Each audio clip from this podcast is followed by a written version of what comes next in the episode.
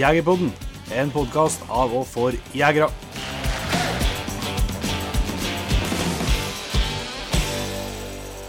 Hjertelig velkommen til en helt ny episode av Jegerpodden. Det er finvær endelig, Jon Inge, men vi har andre utfordringer som vi komme tilbake til. Ja, det ble endelig sol i Trøndelag. Ja, Vi er ikke- er ikke ferdig med klaginga likevel. Nei, vi har, vi, da har vi noe helt annet å klage på. Ja, vi har det. Men først litt om dagens episode, som er et opptak fra Løten i august. Yep. Et liveopptak med vår eh, gode venn eh, Tor Gåtås. Og det, Han har vi hatt med før i Jegerpodden, og jeg vet jo at det, det er en av de episodene som eh, hos eh, enkelte er en av absolutt favorittene. Ja, han eh, Det er jo eh, Han er jo takknemlig å ha med på podkast, for han er jo en ting en Tor har i orden, så er det snakketøyet. Ja, det er helt riktig. Og ikke minst eh, hukommelser og eh, historiene er jo eh, jo ganske løst. Det er klart at Litt annerledes episode enn vanlig Jegerpodden, det er det nok. For det blir litt mindre jaktprat. Han er jo ikke jeger, en Tor, da. Nei, ikke. Men han vet om mye jegere og, og skogsfolk og fjellfolk. Ja, og så Grunnen til at den er aktuell nå, det er for at de, de, han og en Marius Nergård Pettersen de har jo laga en ny bok, Yes. Koieboka. Som, eh, der de har tatt for seg eh, koier rundt om i Norges land. Klart når, du, når du begynner å skal se på gamle, gamle og nye og godt brukte koier, da kommer det innom jegere òg. Yes, det er helt riktig. Og han Marius der, da, han har liksom tatt for seg det den moderne delen av koielivet. Moderne koier, og så er jo en, eh, ikke overraskende en Tor da, som har tatt det i svart-hvitt. Ja. Så, så de har, den boka har kommet ut disse dager, så vi, derfor vi, vi skulle vente litt med opptaket her, så det passer litt med, passer litt med det. Så eh, det er en eh, god, eh, god prat med en Tor, og det, det, det er nok mulig å dra på smilebåndet opptil flere ganger, det tror jeg. ja, det tror jeg. Tenk vi måtte, Når vi først er på lufta igjen, så måtte vi jo ha litt oppklaringer. Det er jo en del av lytterne våre som òg er med i P3-jaktlaget. Ja. Og i førre fredagen så, så var det ut med P3-episode og greier. Må si takk for alle gode tilbakemeldinger på den. Det, jeg holder meg også i at det er en bra, bra episode. Og en artig kar, eh, Oskal, der, som har, eh, og har eh, erfaringene fra skog og fjell i orden, for å si det mildt. Men da, vi har jo det evinnelige målet om eh, 3500 patriens, og som utløser ei trekking av, av bjørnejakt i Canada. Ja. I lag med Norwegian Outfitters og Jon Steinar Vangen. Og så jeg bruker jo sjekker jo det patriens-tallet en par ganger for dagen. Det har han gjort eh, da siden 2019. Ja. og så på, på fredagen her, og, og så plutselig så sto jeg 3504, tror jeg, når jeg kikka. Ja. Og da hadde, var det jo på 3300 et eller annet dagen før i. Så jeg fikk jo stallsjokk, da. ja. Og vi var ute og jakta. Jeg kom tilbake til den jaktturen, men jeg traff deg etter hvert. Liksom, så jeg vet jo hva som skjedde. Og visste ikke du da, for du var ute i skogen. Og så ja, Du var jo rett og slett klar til å finne fram både pass og begynne å sprette noen fangstrapporten. Og vi hadde planene klar. Ja. Eh, Men det var litt sånn eh, jeg lida litt sånn murende følelse at det var litt eh, hørtes litt for godt ut til å være sant. Ja. Det skulle gå så fort, da. ja. Så begynte jeg å sjekke opp litt mer, og da viste det seg at eh, P3 har gjort en, en endring på eh, oppsettet sitt. sånn at eh, nå eh, kan du liksom registrere deg som en såkalt gratismedlem. Ja. Og da blir du liksom regna i medlemstallet, men, men du får ikke tilgang til innholdet og, og trekkingene og prisene i nettbutikken og, og de fordelene som det følger med å være P3-medlem. da. Nei. Eh, Men det ser jo litt ut på tallet som at vi har nådd målet. Men eh, vi, skulle jo, kunne jo, vi vil jo gjerne trekke den turen. Det er ikke det det, er ikke det det står, står i, men vi må holde oss til, holde oss til målet. For at, Uh, Holde oss til målet og holde oss til konseptet. ja, det må vi gjøre. sånn at uh, Vi er jo nærmere enn noen gang. Ja. Det er vi jo på 3420. Eh, Sånn at det er 80 stykker som mangler. Så, så det, det er jo, går jo litt opp og ned hver måned, for at det går ut litt kort og litt sånn. Så, men nå er vi oppe på all time igjen. Så det kan jo være at det er folk som hører på, som har vært med, og som vet at kortet har gått ut nå, som tenker at eh, da er jo kanskje Plutselig så når jo målet. Det har jo vært erfaringene på stortrekkingene før. Ja. Og de siste 50-ene Ja. har bestandig gått veldig fort. Ja, de ser Det sitter nok noen på gjerdet og venter litt på, på god timing for å få være med seg trekkinga, Ja, ja. ja så nå, nå har det jo kommet inn en hel eh, en bra, en bra haug med folk som, eh, som, har registrert, som har registrert seg. Som gratismedlem, og, og, er, og er inn som, som gratismedlem, så, så kan jo hende at det, at det er noen av dem som eh, blir For de, de, de har jo tilgang på de har tilgang på, på filen, og så, men de har ikke mye tilgang på innholdet. Nei, Så det ser i hvert fall ikke hva du, hva du får da, Nei. på den sida. Men jeg vil jo tro at uh, uten at en skal eh, virke for eplekjekk på det, så vil jeg jo tro at de blir nysgjerrige på noe av innholdet og kanskje har lyst til å sjekke ut innholdet litt mer òg. Yes. Så det er i hvert fall en forklaring på uh, For jeg så jo folk Vi fikk jo snappa mye ry inn, og, og uh, likeens ble det lagt ut både på Team Jegerpoden og, og flere plasser Ja. med Peter Jens som gleder seg på trekking. Så det, vi satt litt rolig i båten der helt liksom for å bare være helt sikre på at det var rett. Og så Ja. viste det seg at eh, dessverre så var det ikke rett i gangen. da. Mm. Men uh, det skal jo love dere at eh, hvis det nå kommer den dagen at vi når det målet, så kommer vi til å si ifra. Da, da skal, det skal markeres. Ja, det skal markeres. sånn at uh, det er nå i hvert fall det som uh, det har vært artig å klare det nå i 2023, da. Ja, det har vært stektøft. Det har vært stektøft. Så får vi se. Men eh, hvis altså, ikke er så mye jaktprat i, direkte jaktprat i episoden med en Tor, da, så kan vi jo ta en liten oppsummering av eh, Vi har jo vært litt uh, ute i, ut i skogen eh, nå. Vi starta vel på før av fredagen da, etter episoden, i episodespillinga i, i forrige uke med å prøve oss på brødjakt. Ja.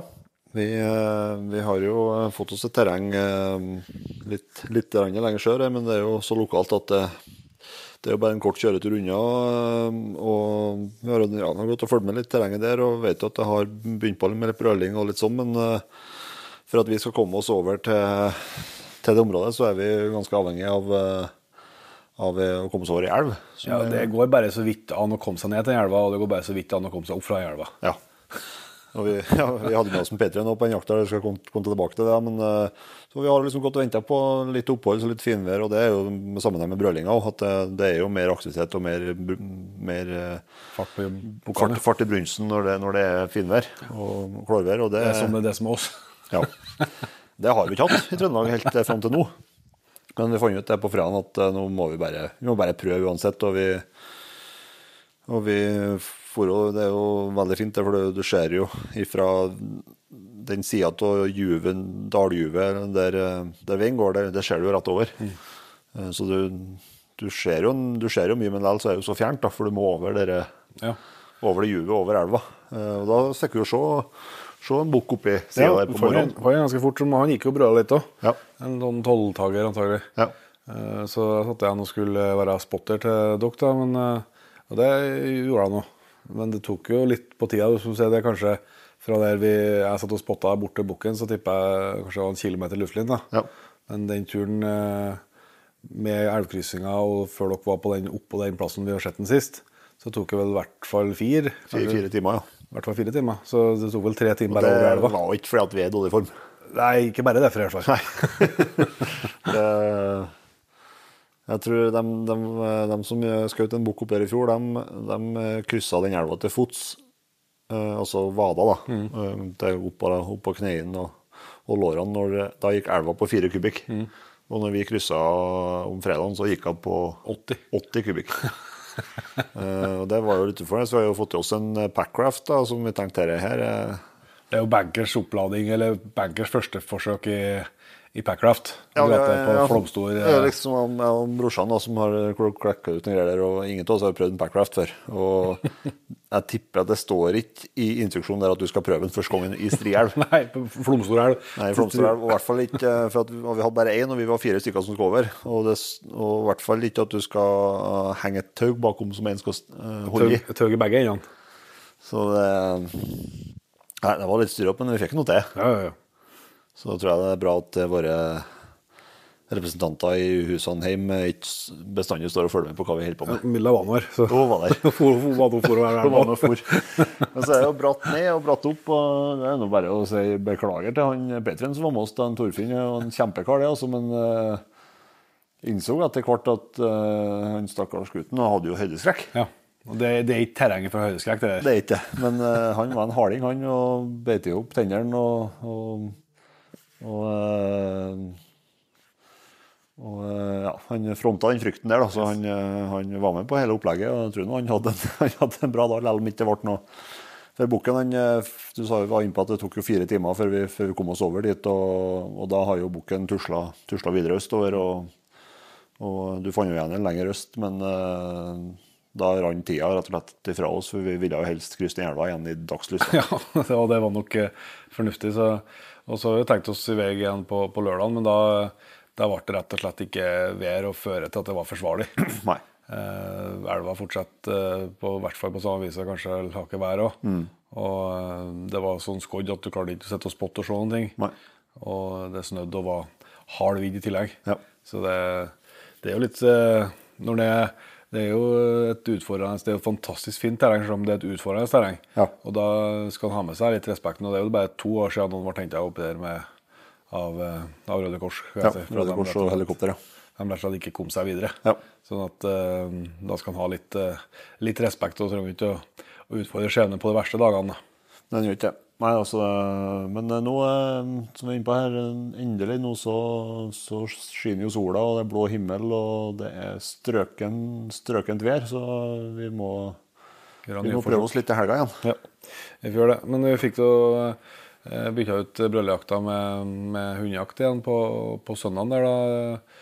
Det, da fikk vi i hvert fall et uttak, og et uttak og en los som etter hvert sto.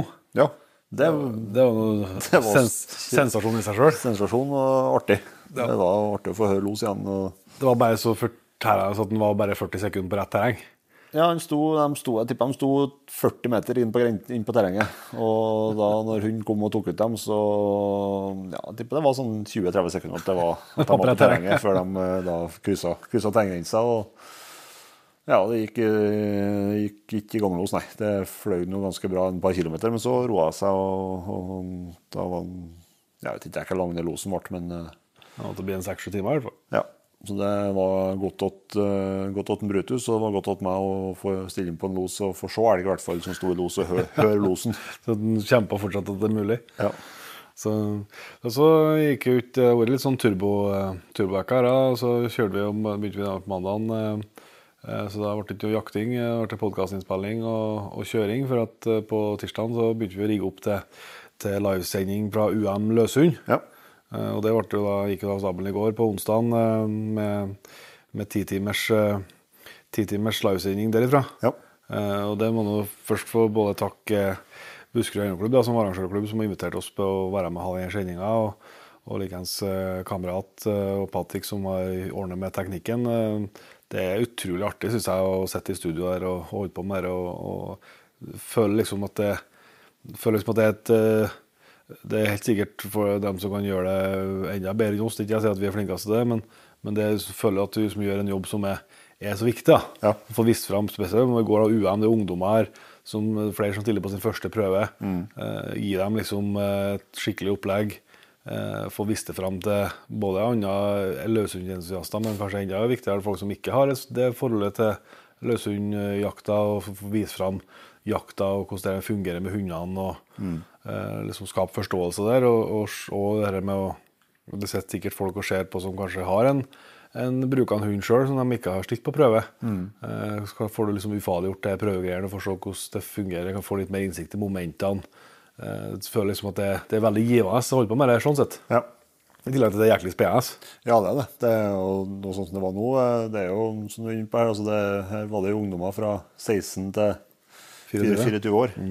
Og, og mange av dem eh, og Så var det, var, det, var, det, var det ganske mange jenter som var med, og så er det mange som er på sin første prøve. Uh, og så er det jo artig å liksom høre at uh, prøveleder og, og forbundet og komiteen liksom sier at eh, her er det her er det ungdommene vi skal, vi skal tenke på. Og gi dem eh, gode opplevelser, gode, en god dag i skogen. Og så, og så er hundene kommer liksom som, som nummer to på et vis. da. Og det er jo, det er jo eh, i helt rett rekrutteringsånd i, i, i hundemiljøet òg. Og så har vi gjort en fantastisk jobb tilsynelatende Buskerud da, med å skaffe gode prøveterreng. Ja. Så det ble, var vel én eller to hunder som En, var- en hund som ikke kom i for elg. ja, som ikke kom for elg, og, og det var jo uh, veldig mye bra hundearbeid. Jeg tror det ble 13 førstepremie Ja.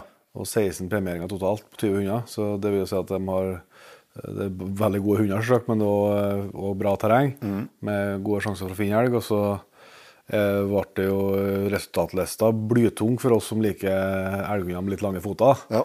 Eh, Så det tror vi ikke å snakke noen ting eh, om. Jeg vet ikke farsken hva som slo feil, men det, det, jeg tror det ble eh, åtte første ble gråhjunger, tror jeg. Eh, sju første. Sju første. Sju første ble gråhund, Øh, nei, og er noen som føler på at uh, vi ikke har fått hørt om det, Ja. så kan vi bare bekrefte at Det øh, det fått hørt. det tikka inn noen meldinger i går kveld om at Så vi trenger ikke flere til dem. Nei. Nei, det Men jeg syns det var skikkelig artig, det at Det er at de, Det var jo en, en gutt ifra, ifra Agder som, som vant med, med gråen sin, og så var det to jenter på andre- og tredjeplass. Og det var begge de to var første prøven de gikk. yes. Og de gikk til, til, til andre- og tredjeplass i, i et uh, norsk mesterskap. Yes, med lik poengsum, så er vel alderen på hundene som, som avgjør plasseringa. Ja. Så nei, det var kjempe, et kjempeartig arrangement å få lov til å, å følge. Og, og håper virkelig at det til gnisten både til en del av deltakerne som var, som var på som første, og, men også kanskje noen som satt og, som satt og fulgte med i, i heimen. da. Mm. Så vi skal ha en ny sånn livesending eh, i forbindelse med Interrack-prøven. Ja. Som går av heller ikke lang tid, vet du. Nei, som går av staben 3. 3. november. Eh, så, eh, så får vi eh, satse på at det blir nye store opplevelser. Da. Det er jo veldig mye hunder. Mm. Så litt annen type sending blir det nok bli, da, for det er jo 60 hunder er planen tror jeg, som skal komme til start. Ja. Så da, om vi ikke studerte tracker mye i, i går, så må vi i hvert fall gjøre det hvis vi klarer å henge med litt sånn noenlunde på hvordan det går med hundene. Ja, vi, vi, vi, vi klarer ikke helt å henge med på 60 unna. Det er Nei, vi, vi klarer ikke på 20 heller. Plutselig vi klarer på 60. Men i hvert fall så gleder vi oss noe, gleder vi oss noe veldig eh, til det. da. Men eh, jeg var inne på at det var litt sånn turbovekka. Når vi var ferdig der klokka seks i, i går kveld, så slengte vi oss rett i bilen. Og så eh, var vi tilbake hjem til deg her eh, halv seks i natt. Eh, så på 23 timer så var vi under på 12 timer i eller i hvert fall 11 timer, 11 timer i bil og 10 timer livesending. Ja. Så vi fikk utnytta siste døgnet ganske bra, vil jeg si. Men dessverre så eh, Vi nevnte vel det så viktig i Patrion-episoden i forrige uke at eh, det var planen for, for Patrion-jakt i helga. Ja. Eh, Det ble dessverre ikke som vi hadde håpa når eh, vi kom tilbake hit eh, til et så trollete hundeføre som det nesten går an å få. da. Ja, det Det var rett og slett eh, Jeg kjente jeg, ble, jeg var sint i går kveld. Jeg fikk eh, Knurra når du gikk ut av bilen. Ja, det, det starta liksom på ettermiddagen, så kom det, kom film fra, kjerringa mi som har vært ute og filma, filma føre og På bestilling. på bestilling. Eh, og det, det bråker og, og bryter løs karene. og det er sånn skarrahinn, som For det kom jo en 10 cm snø, og så var det jo meldt regn på tirsdag. Og det kom ikke så mye regn som det var venta, det kom heller litt mer snø før det ble regn. Og nå er vi jo da på minusgrader. Og Ja, det, da, er- det er meldt mange minusgrader. ja, det er en fem, fem seks, sju, åtte, ti eh, Eller få minusgrader. heter Det Det går på minus. Ja. Ja, det gjør det. Det, det vet jo alle som har hunder, at da får du et forferdelig skareføre som, eh, som skærer opp hundfoter og legger og det som er. Så, det, så slipper han opp det føret som er nå, så er det liksom Da vet, da vet du hva som skjer. Ja. Da, er da har du sjukmelding på hund i I verste fall resten av høsten. Ja. Og vi var jo riktig uheldige på sånn føre, og uh, det blir uh, En ting er jo kanskje akkurat når sola står på liksom på slutten av dagen i solsida, så går det sikkert greit. Ja. Men, uh, men eh, hvis, du, hvis du er riktig uheldig, og det blir lang, langrunde og langt til fjells og, og sånt, så i verste det, Jeg vet av eksempler på det, på folk som har, har ødelagt hundene for livet. På Ja. sånn, eh, eller altså, hundene har blitt ødelagt for livet, i hvert fall. Ja, så er det akkurat som at Og- elgene elgene vet det der. Så, og de vet jo at de har lengre føtter enn hundene som er etter, så de må trekke opp i der det er mer snø. Mm. Prøve å riste oss av hund på viset, Ja. Så det var jo et, eh, et skår i gleden. Men vi har i hvert fall plan om at eh, vi skal få avholdt den eh, premien eh, før regia uansett. da. Ja. Så, men sånn del akkurat været før er litt vanskelig å, litt vanskelig å eh, styre noe over. Ja. Eh, Før vi slipper til en tor, toer her, så tenkte jeg eh, det blir jo et lystig, lystig eh, lytting, det er jeg sikker på. Men før vi, før vi slipper til en toer, eh, så kan vi ta litt, eh, ta litt ned. Eh, Det er jo sikkert eh, flere enn oss, eller jeg vet at det er mer enn hele landet, som eh, har eh, fulgt denne forferdelig triste saken på, på Sørlandet disse dagene. Med den leteaksjonen og, og, og egenskapen på en leteaksjon der, eh, på den eh, unge gutten som, eh, som var med ut på jakt, og der gikk det, gikk det skikkelig dårlig. Mm.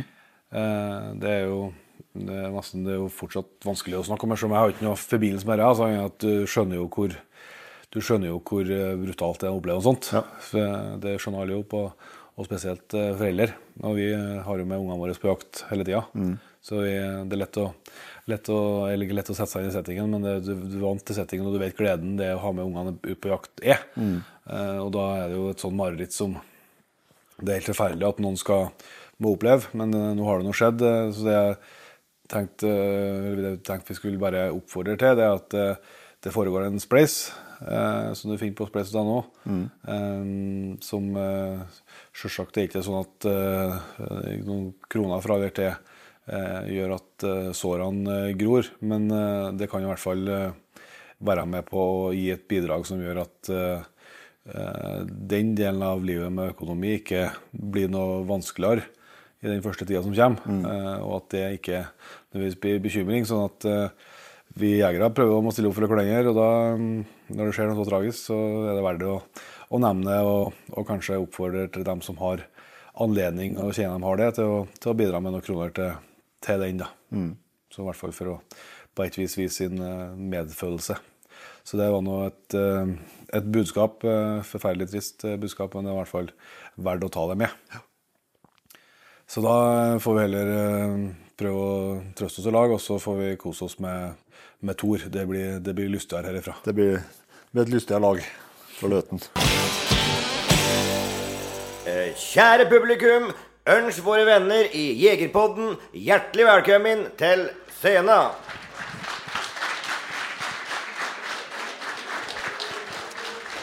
Tusen takk. Og eh, Først må vi si tusen takk til Løten Jeger og Fisk og til Godshuset som har invitert oss. Syns vi kan bare starte med en skikkelig applaus til dem.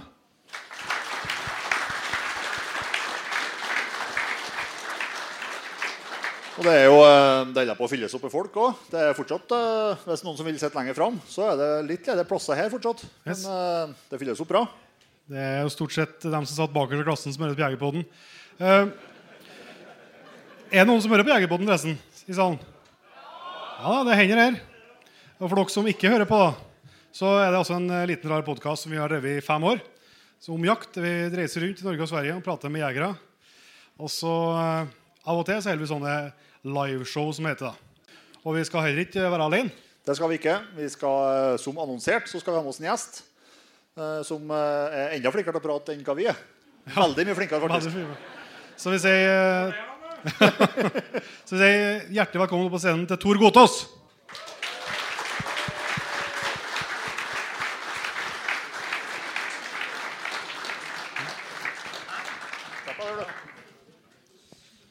Du skal ha kaldvann, Tor?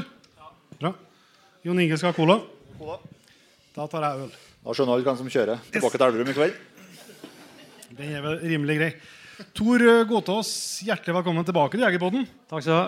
Hvordan kjennes det? Det er bra, det. det? Jeg har hatt et foredrag på Kongsvinger for politi pensjonerte politifolk. Hva du snakka om da? Eh, loffere. Uteliggere. Ja.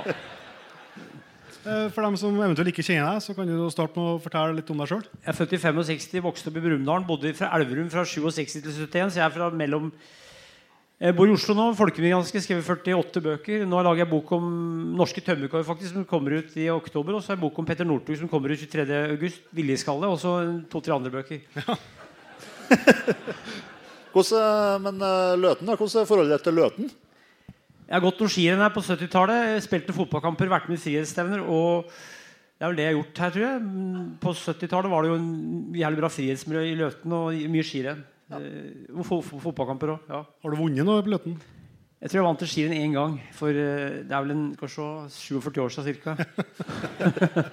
jeg er 58 år, da. Så da var jeg 11 år ca. Det det var, ikke- det var ikke senior. Nei, nei, det var kretsrenn i Løten. Det var jævlig mye deltakere. Mye gode skiløpere her da òg. da. Det kommer, kommer noen idrettsstjerner eller noe sånt fra Løten? Eh, Pål Hønningstad som, eller, mm, Det var en skiløper, men du har en som heter eh, du, har- du, har- Det spørs hvor langt tilbake du går, da. Så Hvis du går til eh, han eh, nummer to i femmila 1888, var fra Løten. Det har jeg- tenkt på. Verdens første femmil. Så, så, var, så var nummer to og fem på femmila i Holmenkollen i 1888 var fra Løten. Så eh, Ja, og det, det var Ja, Slikkasteren. Og det er, det er mange andre. altså Håkon Marius Kveken. Det er flere. Det er veldig mange. Altså, jo Helgestad fra Nordbygda. Altså, Løten for meg er jo Løten kommune. Det er, det er, jo, det er jo mange da, hvis vi tar Løten kommune. Det er et eget foredrag, det, egentlig. Idrettsfolk fra, fra, løt, fra Løten. Det du, Jeg konkurrerte mot en som het Stig Erik Larsson. Han var god, god skiløper på 70-tallet. Han tror jeg kanskje er jeger òg. Vet ikke om det er i dag, men Hæ? Er det snekker òg, han det? Men hvordan er det med jakterfaringa di, Tor? Vi drepte noe tross til Brumunddal på 80-tallet, eh, 70-tallet. Eh, Pinte padder og fuglunger og drepte. Men jeg, jeg jakta lite. Jeg er ingen jegertype. Jeg husker jeg skjøt en linnæle eh, i 1977. Og så lå den på plenen foran huset. Så for at far min ikke skulle se det, så gikk jeg og tok den bort. Og det synes jeg var jævlig, for jeg skjøt med luftbørse ovenfra.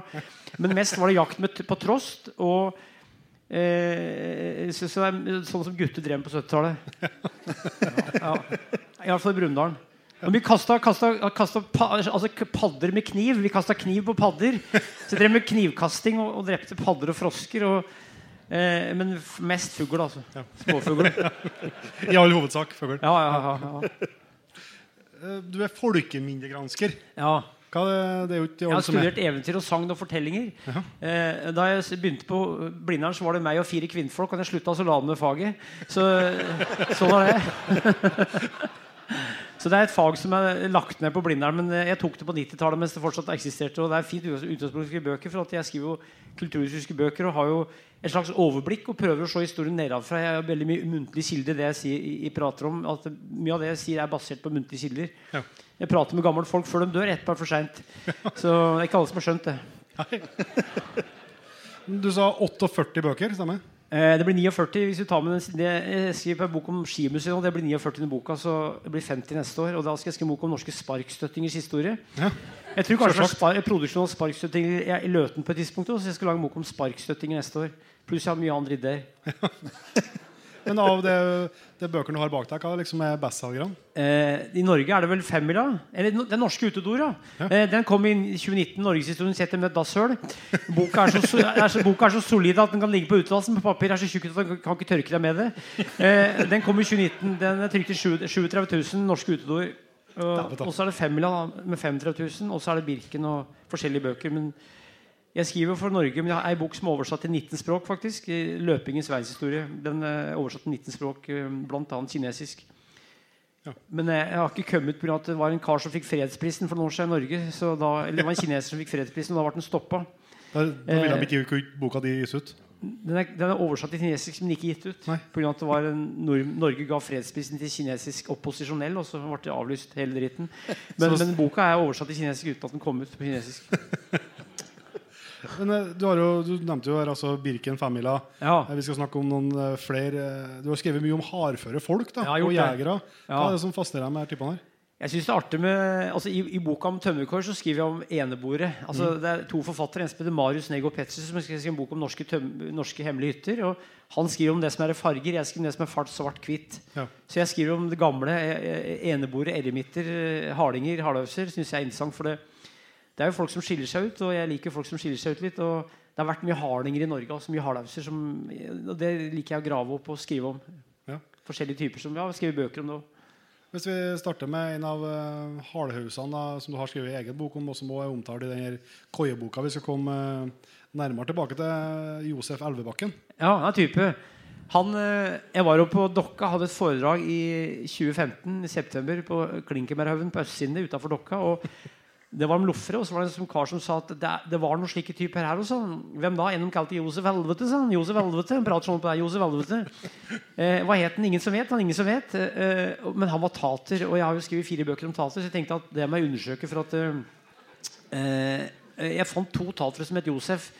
Eh, Blant annet Josef Elvebakken var født 23.3.1900 og vokste opp som Josef og Olaus Aleksandersen Alting. Kom til Dokka i 1907, bortplassert hos Kristiane og Gudbrand Elvebakken eh, som fosterbarn. da Og Plassen het Helvete, derav navnet Helvete på Josef Helvete. For det er sønnen til far til Jesus, heter Josef.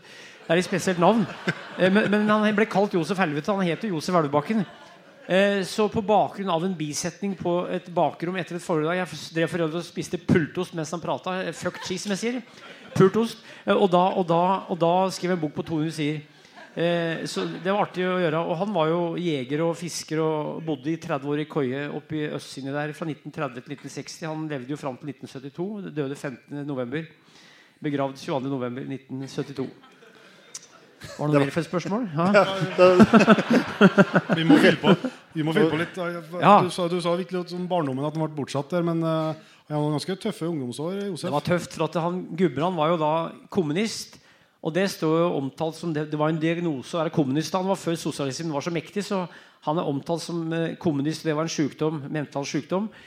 Uh, og han banka han, så Josef han uh, Huet hans ble putta ned i ei bøtte, og så sto han og banka han altså, Han putta huet til gutten ned i bøtte med vann, og så slo han på ræva.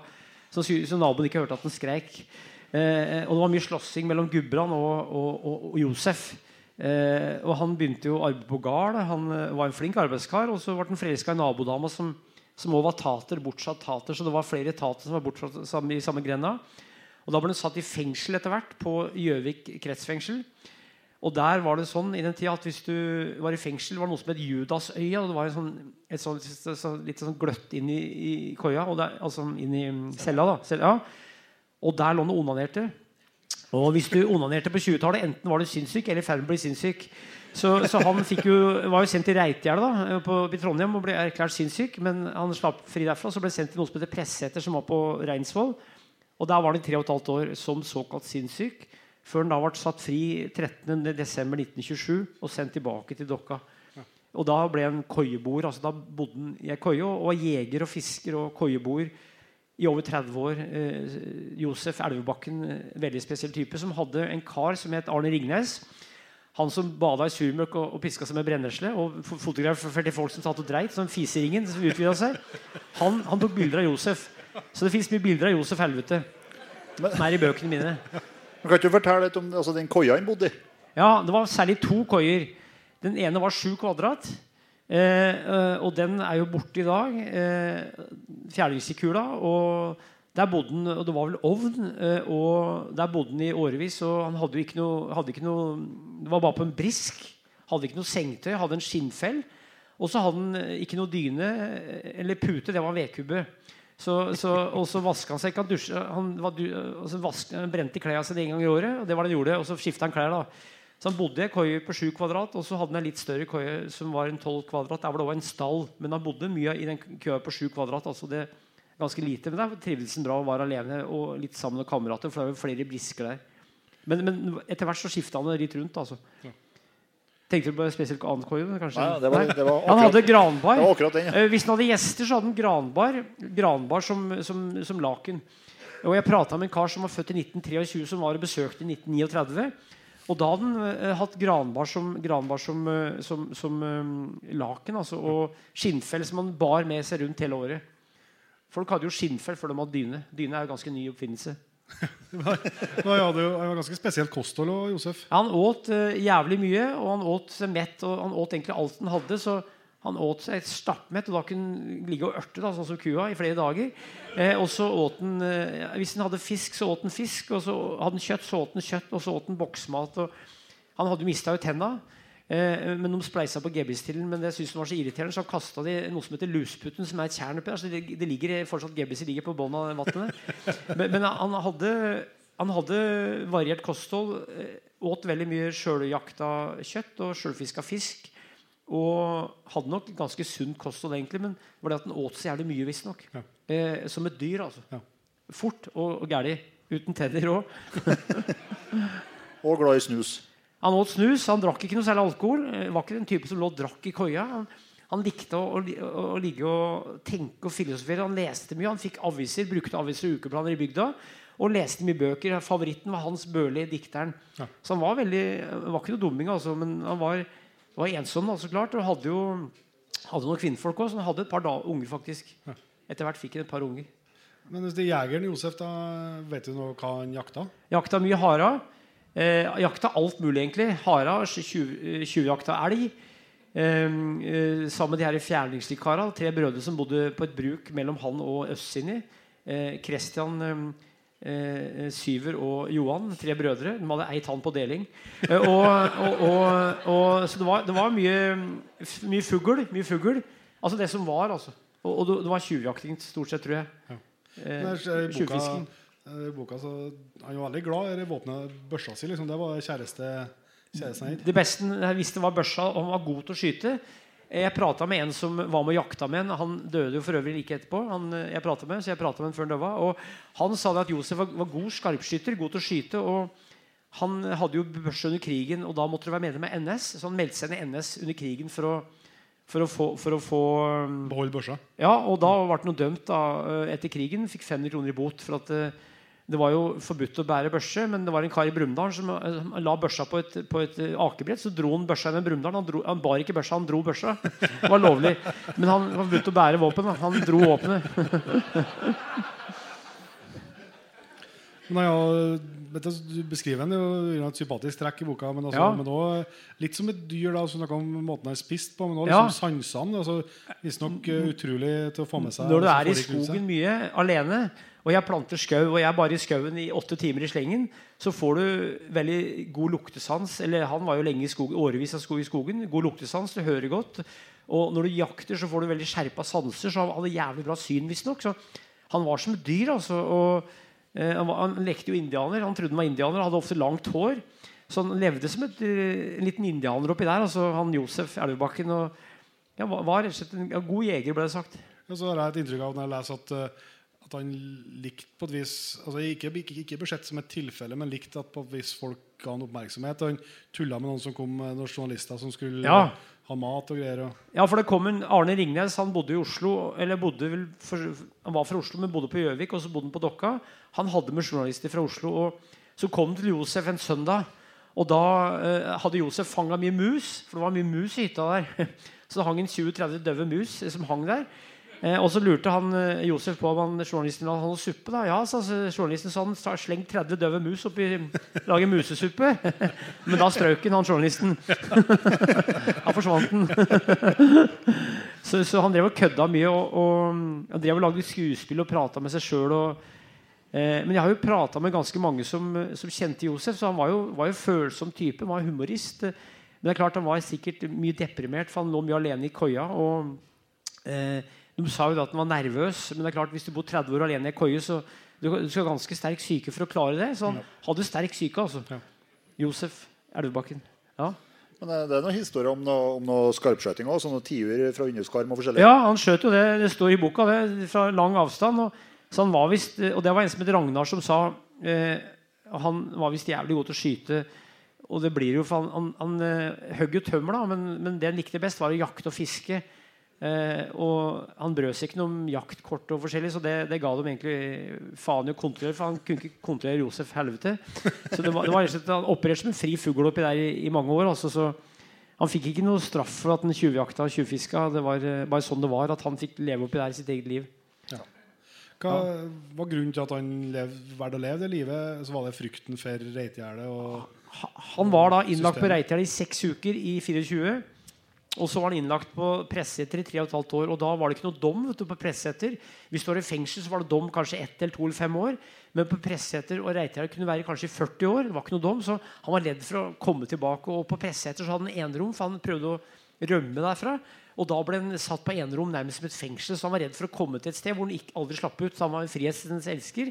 Elska friheten. Så han, han valgte å bo i ei koie, da, eller koier oppe i Østsiden framfor, å- framfor å risikere å komme tilbake til Presseter. Han kom jo tilbake til Presseter i 1960, så flytta han til han fylte jo 60 år 23. mars 1960, bodde i koia si fortsatt. Og dagen etterpå, 24. mars 1960, tok han ryggsekken og gikk ned til bygda til noe som heter Grangard, som var et gamlehjem. Og der bodde han noen år, på et lite eh, rom der. Og Da drev han som graver på kirkegården, og så drev han og klødde ved. Eh, og, og, og, og så hadde han ikke lyst til å bo der for at gamlehjemmet skulle flytte ned, ned til Dokka. Altså ned til Dokka sentrum, da, fra, fra østsiden, som er utafor. Så han eh, begynte å late som var tulling, late som var gæren, og ble flytta tilbake til Presseter. Men da var det mye mer psykiatri. Da var det eh, piller i psykiatrien. Så da ble han plassert tvangsmedisinert og fikk problemer med prostata faktisk, og forskjellig. Eh, men så eh, klarte han å komme seg ut av presseeter og ble plassert hos eh, et, et ektepar som tok seg han. Det var han, Josef og en til som bodde der, som het Åsmund. Han sa bare ja nei. Han hadde kontroll på livet sitt. Eh, de bodde sammen hos det ekteparet. da. Så han bodde, hadde det ganske bra på slutten av livet. Han, og da så han ut som Snåsamannen, for jeg prata med ei kjerring som besøkte den. Og og da fikk han nye klær og, og ble klippet og barbert. Så Da, han, da hadde han det veldig bra, så han hadde det faktisk bra på slutten av livet. Og så døde han da, som jeg sa, 15.11.1972. Ikke noe dødsannonse i avisa. Det var sju stykker i begravelsen. Det var, jo, det var altså presten, og så var det Åsmund og han kameraten, og så ekteparet, og så en til og to til, og så Josef i kista. Så det var, det var, det var ikke noe mer altså Det var ikke engang dødsannonse. Og, og, og gravsteinen er borte i dag. Malt opp til steinmjøl på, på Ås kirkegård på Brandbu. Eller på Ikke Brandbu, men på Bøbru. Bøbru ja. Så jeg tror, jeg tror, faktisk at far til Anne, Anne Lindmo var prest der da. Hun som er på TV-en. Hun var, hun var prest. Jeg lurer på om det kan ha vært far til Anne Lindmo. Fra, altså, jeg, jeg, lurer på om kanskje han kom litt senere, for han er begravd 22.11.1972. Men altså, eh, far hennes var prest der litt senere, vet jeg. Bøbru. Ja, kirke, og kirke jeg syns du kan gi en applaus. Ja.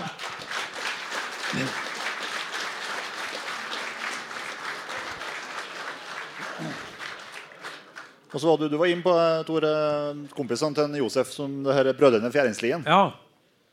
Var det når du skrev boka om Josef at du ble kjent med dem? eller? ja, for at Ringnesen tok så mye fine bilder. og Ringnesen har jo etterlatt seg over 21 000 bilder. Og jeg fant masse bilder av tre brødre, jo, som jeg sa, Syver, Krestan og Johan Fjæringslien. Og de vokste opp på husmannsplass med et fjerdingslinn som er litt nedafor der Josef bodde. Men på vei til bygda så gikk, gikk Josef ofte over fjerdingslinn. Og forlatt til de brødra døde på 30-tallet. De hadde fire søsken som emigrerte til USA. Eh, og de brødra bodde igjen alene. og de delte, Da, da foreldra døde i 30-åra, så, så, delte de tre brødra på oppgavene. Han Syver han var bygdetulling, gikk rundt og sagde ved og, og kløp damen i ræva. Eh, Johan han var tømmerhogger og jeger og fisker. Og, og Kristian var husmor. Eh, så, så, så, Josef var der og, og det var litt av noen typer. Altså, han Syver han, han fikk brokk eh, og gikk og hadde vondt i 45 år. Eh, så ble han operert. Eh, han, Christian fikk en tømmerstokk i sida og hadde vondt i 45 år. Og Johan hadde brunket i 45 år. Eh, og ingen gikk til legen. Eh, alle var ungkarer. Og, og, og, og, Johan var ganske hard til å drikke øl nede på hotellet på Dokka. Men han hadde, hadde hest, så han bare, han bare, la seg på hesten full, og så hesten gikk tilbake. Eh, og, Der fins det mye bilder som er tatt av Ringnesen. For at Ringnesen var gift med ei som heter Margit, og mora til Margit. Margit, Mora hennes hun var søster til de brødra. Hun var elleve søsken. da Eh, så de var onklene hennes til Margit. Og Margit var avbilda i boka. Hun var jo nudist. Han, Ringnesen tok jo bilder av folk nakne. Så var Ringnes, Ringnesen var litt av en type. Og han dokumenterte dette her, og blant annet så han Syver døde i 51, og Johan i 56. og Da ble Kristian boende alene. Og så skulle hun prøve å få seg dame, da, så averterte han i Norsk Ukeblad. Så kom det ei kjerring fra Vestlandet og skulle bo der en sommer. Gikk ut til helvete, hun flytta tilbake. Hun, altså. Men poenget var at eh, bonden var så nervøs for at Kristian skulle dø, for han bodde alene. Så han la opp en sånn intern, intern telefon fra gården opp til setra via den plassen til han Kristian. Eh, da telefon da, gardstelefon, bare intern. da Men det syns Christian var så jævlig, for bonden ringte jo kanskje hver tredje måned. Så han tok telefonen og sa 'jeg til hjemme', så han så la han på. og Ringnesen intervjua Christian og hadde den på TV-program, så det fins intervju med Christian Fjæringslien som er vist på 60-tallet. Og, da, og da spør han der Ringnesen hva skal du gjøre i helga. Ikke noe, sier han. Hva skal du gjøre over helga? Sage ved eller måke snø? Så han bodde oppi der Christian, og måtte tvangsflyttes derfra. da i 1975 ca. For da nekta han å flytte og måtte bære den derifra. Kristian eh, Fjerningsen, og Plassen finnes enda. En veldig fin beliggende plass oppe i østsiden på Dokka, utafor Dokka. Vi har lest den eh, boka med brødrene. og det er litt sånn du skal starte her, det er litt sånn overtro og litt sånn skrømt. De har litt, de har litt uh, greier for seg. Josef og brødrene trodde på Huldra. Ja. Og de, de, var sikre på at Huldra fantes, og mye forskjellig skrømt. Så Josef han, han hadde kontakt med Huldra, og de sier jo det at Huldra forsvant da strømmen kom. For Christian nekta av strøm. Han fikk betalt til E-verket for ikke å ha innlagt strøm. For han slapp dem å bygge kabel. Da, eh, og, og ha stolper, så, så, De trodde på Huldra. Og, og jeg snakka med gamle folk, eh, faktisk folk som lever enda. De sa det at uh, Huldra slutta å komme da strømmen kom. For at uh, Hvis du ser folkeeventyra, Asbjørnsen da sola sto opp, så ble trollet til stein. Ja. Sånn var det da strømmen kom, at, at, det ble til stein. Så Josef er helt sikker på at Huldra Og, og jeg prata med en kar som lever i dag. Han, han, han, han, kjente Josef, og han har vokst opp med Josef. Og han sjøl tror på Huldra. Han er i 70-åra i dag og er helt overbevist om at Huldra fins. Ja. Men du må dra langt opp i, opp, i, opp i, øvre bygder. Og det kan ikke være noe særlig strøm der. Og du må gå inn, Der, der fins Huldra enda, sier hun. Og det er gjerne et kvinnfolk da, med litt langt hår og, eh, som lokker på kara. Ja, det, det, er jo mange som har gått på noe Huldersmell, Ja, det er det. Så, så, så jeg, jeg, jeg, vet ikke, jeg, også, men, men, jeg har ikke sett Huldra. Men men, men, Josef og brødra var helt overbevist om at huldra og skrømt fantes. Troll og tusser. Og de ofra jo, de satte ut øl på julekvelden. Så, så, så, så, så, så, så og, og, og, første juledag var det tomt. Det var en nabo som var alkoholisert, som gikk og drakk. Men de var ikke så veldig bereist, de tre brødrene. Hva? De var ikke så veldig bereist. Nei, altså han eh, Josef han hadde jo vært utafra bygda. Men hvis du tar brødrene, så hadde vel han Syver Han hadde aldri vært på Gjøvik engang. Han hadde vært på Oldnes, som er ca. to millioner der han bodde. Og så hadde vel han eh, Johan vært på Gjøvik, og Kristian hadde vært en gang i Oslo. Da gikk han på beina. Han var på 20-tallet på et eh, Frelsesarmé-stevne, for han var religiøs. De var jævlig religiøse, kara. Eh, ingen skulle tro de var religiøse. Og han gikk til Oslo på 20-tallet på et stevne. Men ingen hadde vært utafor Norges grenser. Og eh, Syver hadde altså bare vært på Oddnes, som er ca. to mil fra Dokka. Så det, og da hadde de gått på beina. så de hadde jo ikke bil eller sykkel eller noen ting. Hadde, hadde ingenting, altså. Så, så de var veldig fattige og hadde ikke noe ute å gjøre i verden. Hadde ikke radio heller. Så, så det var, den eneste de hadde, var den interne telefonen. Gardstelefonen som de ikke brukte noe særlig. Men eh, på, på samme vis med de tre bjørnene her, de Syver og Johan Christian, det er samme vis med dem som med Josef, at det var jakt og fiske de, de levde mye av. Jeg gjorde det, og du vet at eh, hvis, du, hvis du da jakter elg, f.eks., som Josef skjøt med, altså så får du ganske mye mat i en elg. Eh, og, og hvis du eter kjøtt eh, Josef åt jo kjøtt eh, kunne ete det to-tre ganger om dagen. Altså han, han åt jo sånn som folk gjorde i, i gamle dager. De åt jo det de hadde. Han åt jo det han fikk tak i. Og mye fisk og mye, mye kjøtt. Så han, han levde i perioder på, på det som en fanga, og det gjorde disse brødre òg. Men der var, det, der var det han Johan som jakta. For Kristian var husmor, og Syver var bygdetulling.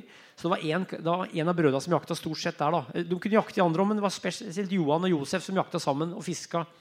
Det er noen bilder i boka av de som fisker, men jeg har ikke noen bilder av Johan som fisker. Ja. Drev og satte garn på Ja, ja, ja, ja. Så, så de satt mye garn, disse kara. Og Josef var jo var ekspert på altså, tiur og alt det der. Så, og det var mye vilt oppi der. Altså, hvis du drar til Dokka, så er det ganske vilt oppi, oppi åsen der.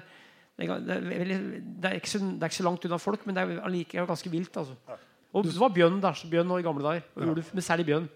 Du sa jo at det, det var i husmor, altså det var husmor men det, i boka så kan du jo forstå at de virka ikke å være spesielt opptatt av hygiene. Nei. De brød seg ikke med å ha det så rent, nei. nei for jeg prata med kjerringa som var vaska der. Det var kjerring som nabokjerring som nå, nå død. Hun hadde vært og vaska for Christian da de tvangsflytta. Hun var jo kvinnfolk, da, hun overdrev ikke noe særlig. men det var, det var som måtte skjære det bort. Altså. Så de måtte bruke kniv altså, for å vaske. Første, første runden var med kniv. Eh, eh, men det er klart at, eh, at han ga jo faen i det, for han var jo ikke sjuk, han Christian. Så han, han trivdes jo, for de sa jo det at eh, møkka hadde isolert det mot både varme og kulde. så Eh, å, å ha det så møkkete som de hadde det, det var nok, Jeg sier ikke at det var sunt, men det, det var kanskje ikke så usunt når du først tålte det. For at det, han, han ble gammel og var ikke noe særlig sjuk. Han Kristian, som da var lengst av de brødra. Men de, altså de fire, de fire eh, typene vi snakker om nå, Ja. eh, de var ungkarer. Ja. Men eh, så var, var det at hadde de ikke å drage på damene? Eh, var Johan var veldig kjekk. Så ser du bildet av boka, så ser han kan veldig mandig og maskulin ut i trynet. Eh, han hadde dame i ungdommen. Eh, men det, han ville jo Det ble ikke noe av. Jo, han, Syver han var sånn som gikk og kløt I dag ville han vært i fengsel for metoo. Eller for, for, for, for å tafse på damene. Eh, og Kresten hadde som jeg sa, en dame fra Vestlandet som kom etter en annonse i Norsk Ukeblad på 60-tallet. Så de hadde nok hatt kjærester alle tre, i hvert fall Kresten og, og, og Johan. Johan var en veldig kjekk kar. Og Josef hadde to unger. Så han hadde fått unger, men hadde ikke noe særlig faste forhold. Eh, Så det var mer at de ikke ville ha noe fast forhold, tror jeg. Og, og, og disse brødrene, det var jo ikke noen vei dit. Det var ikke strøm. Det var ikke vann, det var ikke vei. Nei. Og bodde der fram til 70-tallet, så det er ganske spesielt. Det var ikke så mange damer som ville ha et sånt liv på den tida. Så det var noe med at det var litt beliggende utafor. Boka heter jo 'Der ingen skulle tro at noen kunne bo'. Det er en sånn type plass, altså, men uten at det ligger så langt unna folk. Så, så var det, det, det var uveisomt å gå dit. Og Josef bodde jo lenger inn, enda lenger inn i, i der. Så, så ja, så det var det med at det var beliggenheten var litt feil for et kvinnfolk, tipper jeg. på den tida her. Ja. Det er jo kanskje det er jo lett å tenke på um, de typene her eh, litt som originaler. Ja. Var sånn, eh, Ble de oppfattet sånn i sin samtid? Ja, bygdeoriginaler. Eh, alle, tre, alle fire, egentlig. Og Josef var jo tater i tillegg. Og Da hadde du et stempel som reisende. Du hadde en sjukelig trang til å gå. Det ble kalt vagabondering. I dag så heter det ADHD. så, så, så, så han hadde jo stempel som en tater. Eh, og eh, brødra var jo bygdeoriginaler. Og jeg har jo snakka med kvinnfolk som er gamle i dag. De var litt redd om, for de gikk jo rundt på veia oppi der og stia. Og de så litt skumle ut. Var uflidde, skjeggete Josef. Kunne ha langt hår, langt skjegg.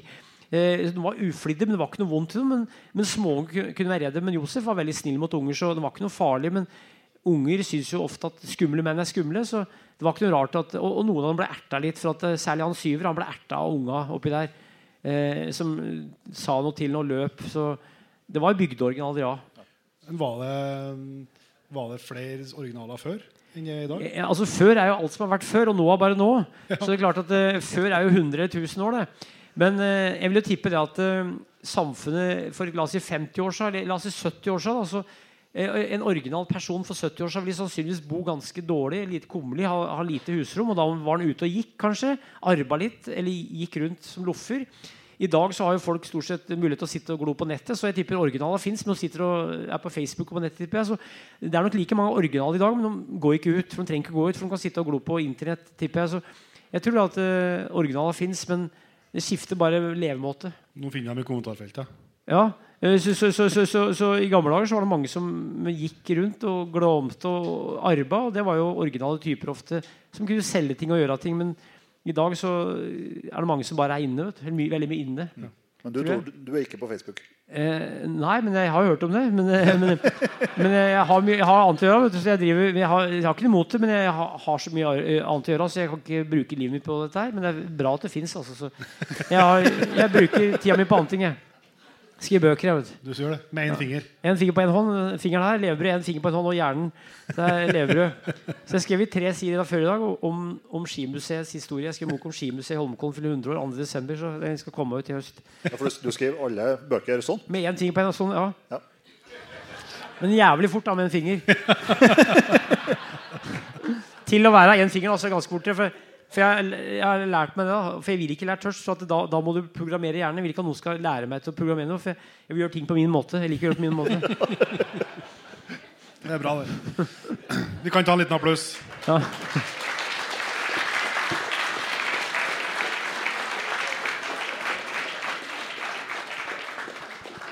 Du sa jo ei bok som eh, er av mange da, som skal komme utover høsten. Det er boka om norske koier. ja. Eh, Den eh, skriver du sammen med Marius.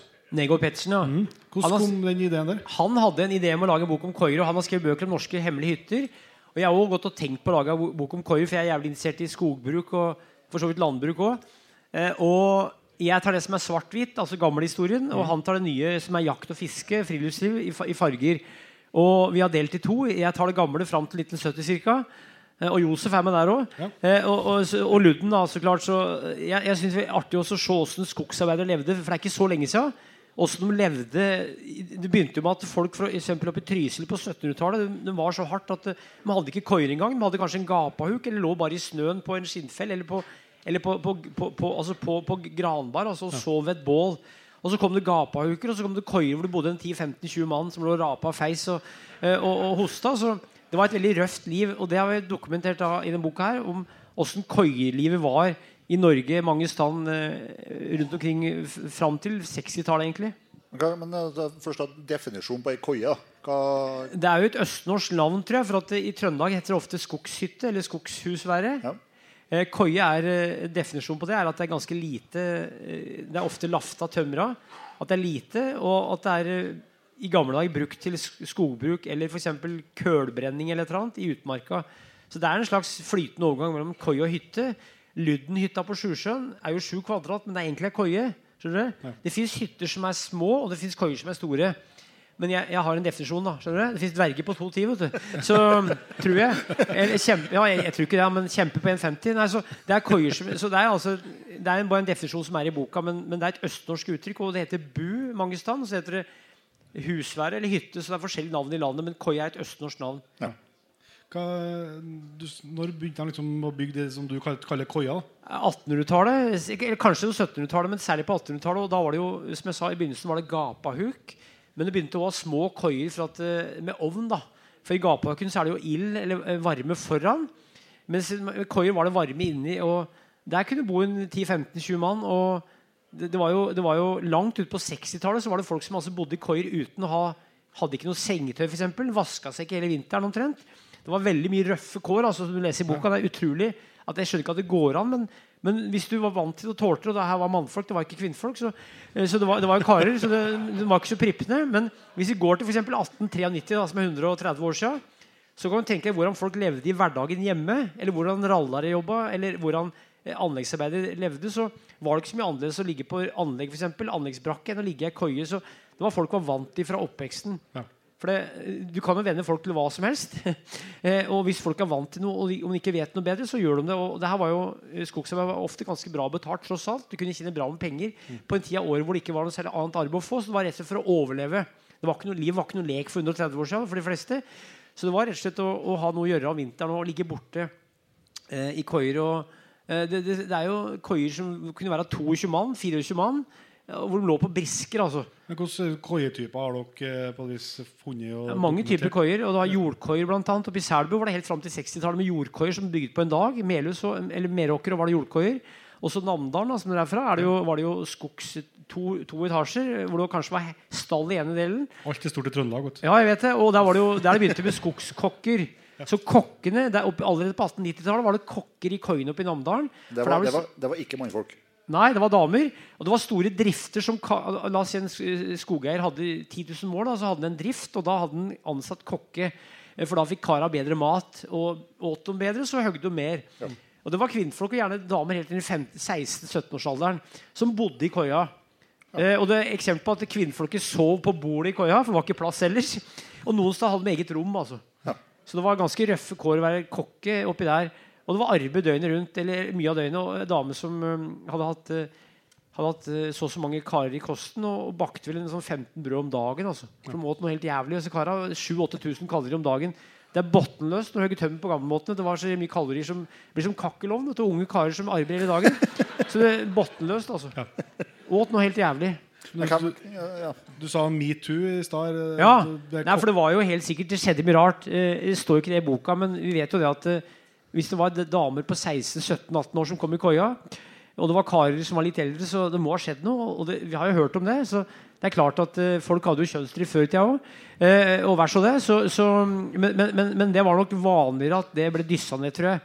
For at, uh, for at eh, det her var en tid hvor eh, kvinnfolk, særlig yngre, hadde ikke noe særlig å si i sånne sammenhenger. Så vi vet at det har skjedd visse ting. Men det er også eksempel på at folk har vært sammen, da, hvor kokka har vært sammen med en av høgra.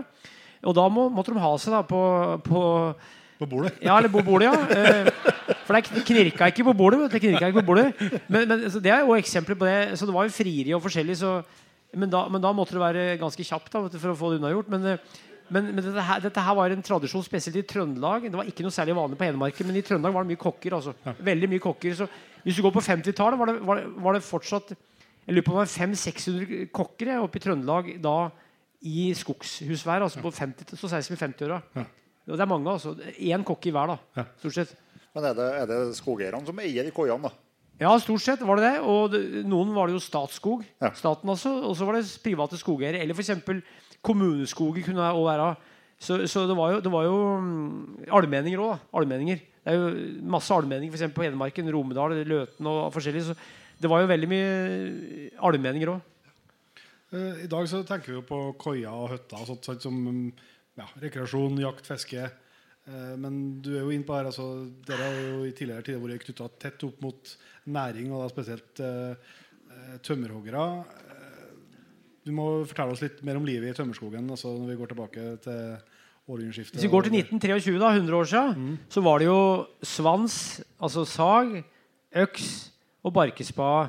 Eh, måtte gå på ski ofte bort til feltet. Hvis de lå i køye, så var felt, Det var jo plukkhogst, det var ikke flathogst. De høgg jo ikke sånn som i dag hvor det er flathogst. Høgg jo innimellom.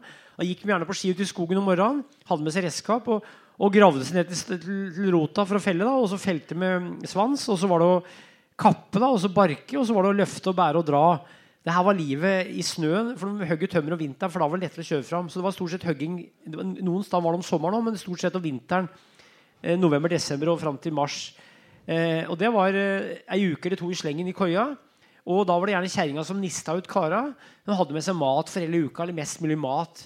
Eh, noen hadde jo ferdig middagsmat som de varma opp, og andre hadde flesk. Det var noe som het Munch.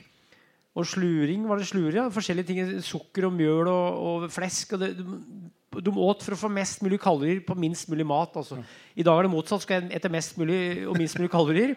Men de åt for å fylle opp. altså Vomfyll. altså Fleskepannekaker og uh, mye feit mat. altså Sluring det er vel eh, Sluring, gammelt brød koka, Ja. som er koka i slags, eh, slags stuing. Ja, det er litt forskjellige varianter av det, tror jeg. Men Munch var jo en rett mye flesk. Altså, og det kom mye flesk fra Amerika. Fra slutten av 1800-tallet kom mye billig flesk fra Amerika. Som var amerikansk flesk. altså en måte.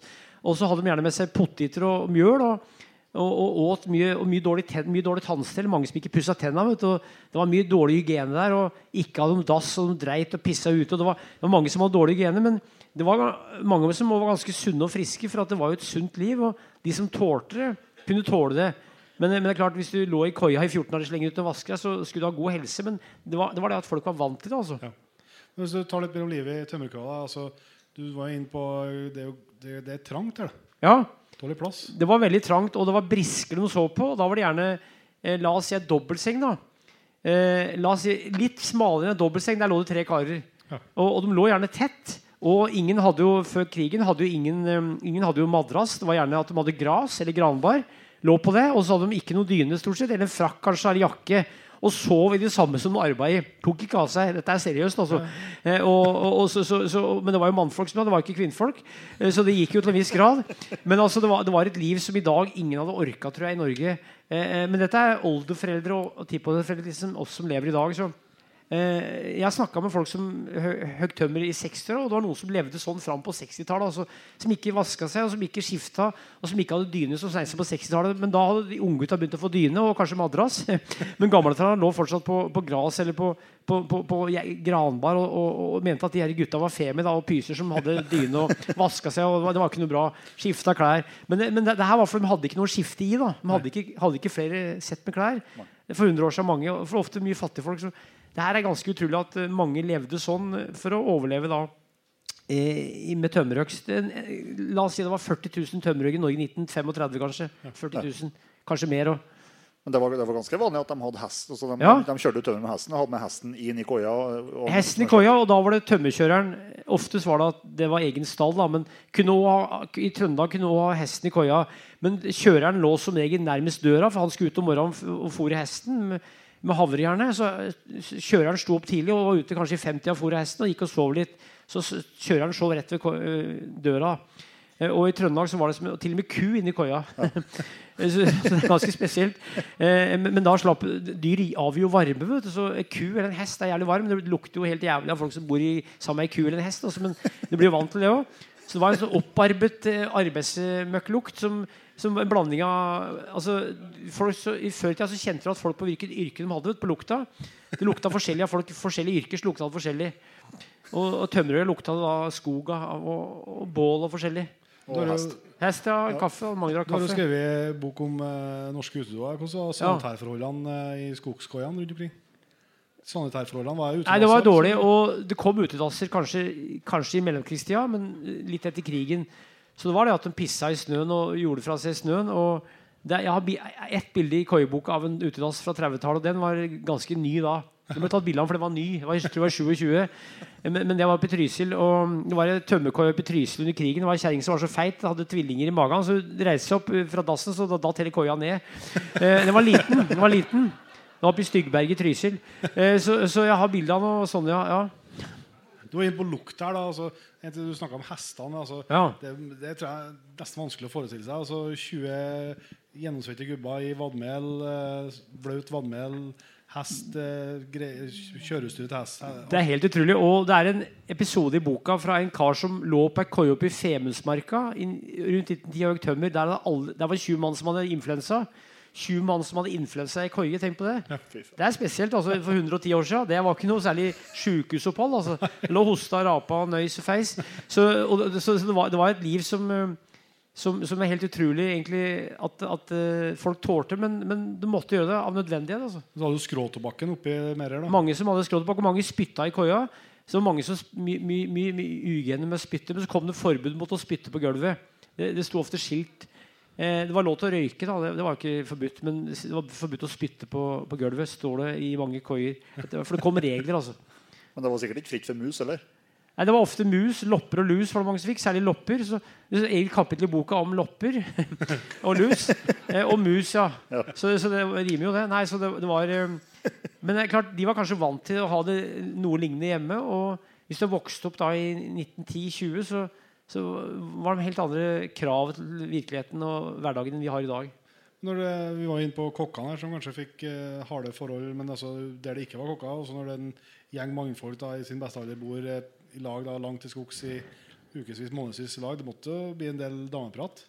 Jeg tror nok det. Og det er naturlig, det. Eh, og kara de lagde jo mat òg, faktisk, så de, de måtte være litt husmødre og fikse ting. Fikse klær òg. Så da var det faktisk en del karer som hadde en slags husmorssyssel med å fikse klær, lage mat og prate om damer. Så, så det, var, det, var jo, det, var, jo, et spesielt liv. Og som, mange av de som har vært med på det, som jeg prata med, de, de, de syntes det var fint. For hvis du er ung og sprek Det er klart at det kan være artig å gjøre en periode av livet der. Du, og mange likte å komme bort fra kjerringa og unga, for da slapp de da fjøsstellet i hverdagen og komme igjen lørdagskvelden, for de jobba jo seks dager i uka. Så var det fint å komme seg unna eh, kanskje småbruket. Mange hadde jo småbruk og drev i skogen i tillegg. Så Kjerringa tok jo veldig stor bør der med å mjølke og passe på unga. Så det var mye flinke kvinnfolk som gjorde at kara kunne bo borte i uka hele, på koie. Det var jo veldig mye, mye arbeid de gikk i på den tida her i mange stand i Norge. Men uh, my, også mye av de uh, tømmerarbeiderne som jobber bodde i koiene her, Ja. de var også jegere. Ja, ja, og, ja, ja, ja. så mange jakta eh, underveis. Eh, både, og jeg vet jo det Under krigen så vet jeg folk som tjuvjakter elg. Tømmerhøgere, og de hadde faktisk, For ikke å bruke våpen så hadde de da kjørt opp på sida og slått i elgen i huet ble det sagt, med øks. Erling Evensen skal ha gjort det oppe i, oppe i Åsdalen. Og han var skiløper. Eh, for noe, skulle Folk skulle ikke høre at han skjøt. Så det ble sagt at Messendøla For Messendøla de tjuvjakta elg under krigen med å slå i hjel. Kjøre opp på sida, altså på ski. Eh, han, var jeger. altså Han eh, var med i 19, Han var norsk mester på tremil på Raufoss i 1940. Erling fra, født 1914, død 1998.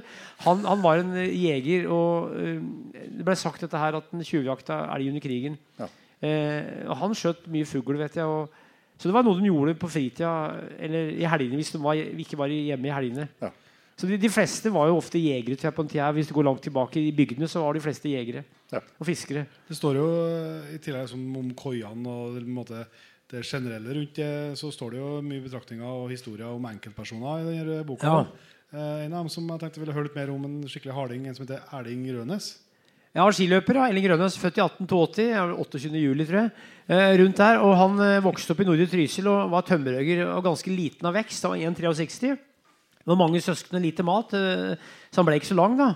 Men desto mer inn, innseg, som sier. Og han lå høyt tømmer i ei koie. Og i 1906 så lå han i ei gjørkoie, som er ei koie som var åpen i taket. Det var flamme inne, og så åpen i taket, så røyken gikk opp. Der var det fem mann som sov på brisker i ei koie.